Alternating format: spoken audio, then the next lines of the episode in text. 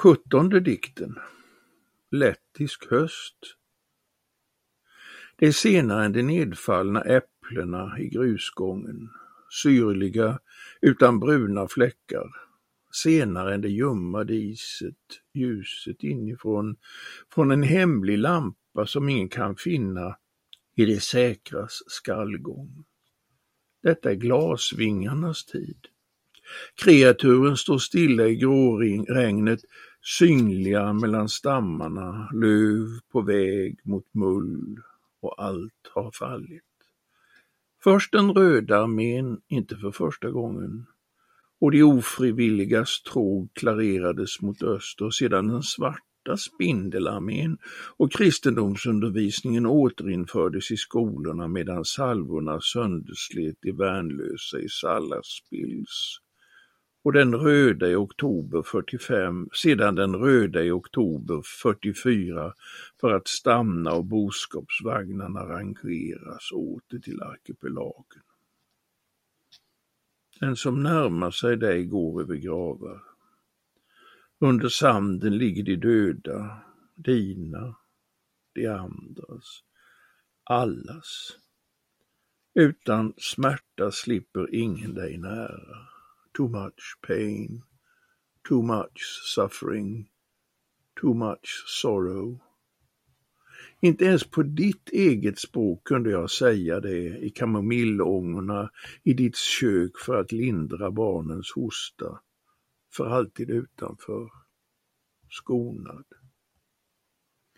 Guds moder med den stympade högerarmen utan hand pekar du på barnet, flick flickan i din famn, det måste vara du, det kan inte vara någon annan än du som tar upp detta stympade barn i din famn och håller henne intill dig i din son och hennes barn och din son blir till ett i din smärta.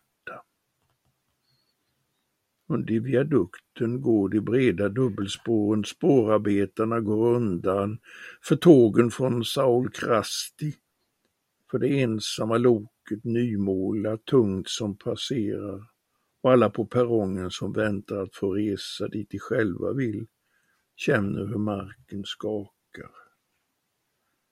Känner också de andra de på andra sidan muren taggtråden i fängelsen när det tunga loket kör förbi. Någon iakttar mig ett öga i ett kikhål ur ett brädskjul på muren. Jag känner ingen fruktan. Utanför muren står ett äppelträd och en gammal man plockar äpplen i sin väska och när jag går för att söka mig ett finns inga kvar.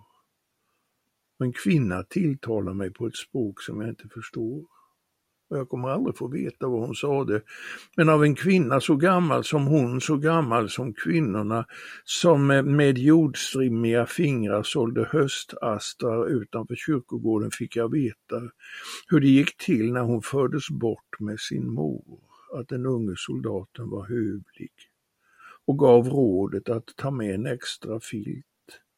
Att hon som återvänt utan man och barnlös efter vreden förlät ligisten som i julas stulit hennes portmonnä. Har han någon enda som ber för honom? frågade du och förlät och bad som om den enda på denna sida för en som aldrig kallades vid namn. Och nu förstår jag att förbönen har tusen fina rynkor en landsförvists ansikte, en åldrad sjuksysters ögon, jordstrimmiga fingrar, ett tålamod som jorden. Kan de dömda i fängelset, rånarna och dråparna se järnvägsspåren, kan de också se kyrkogården. De kan se röken från en brinnande avskrädeshög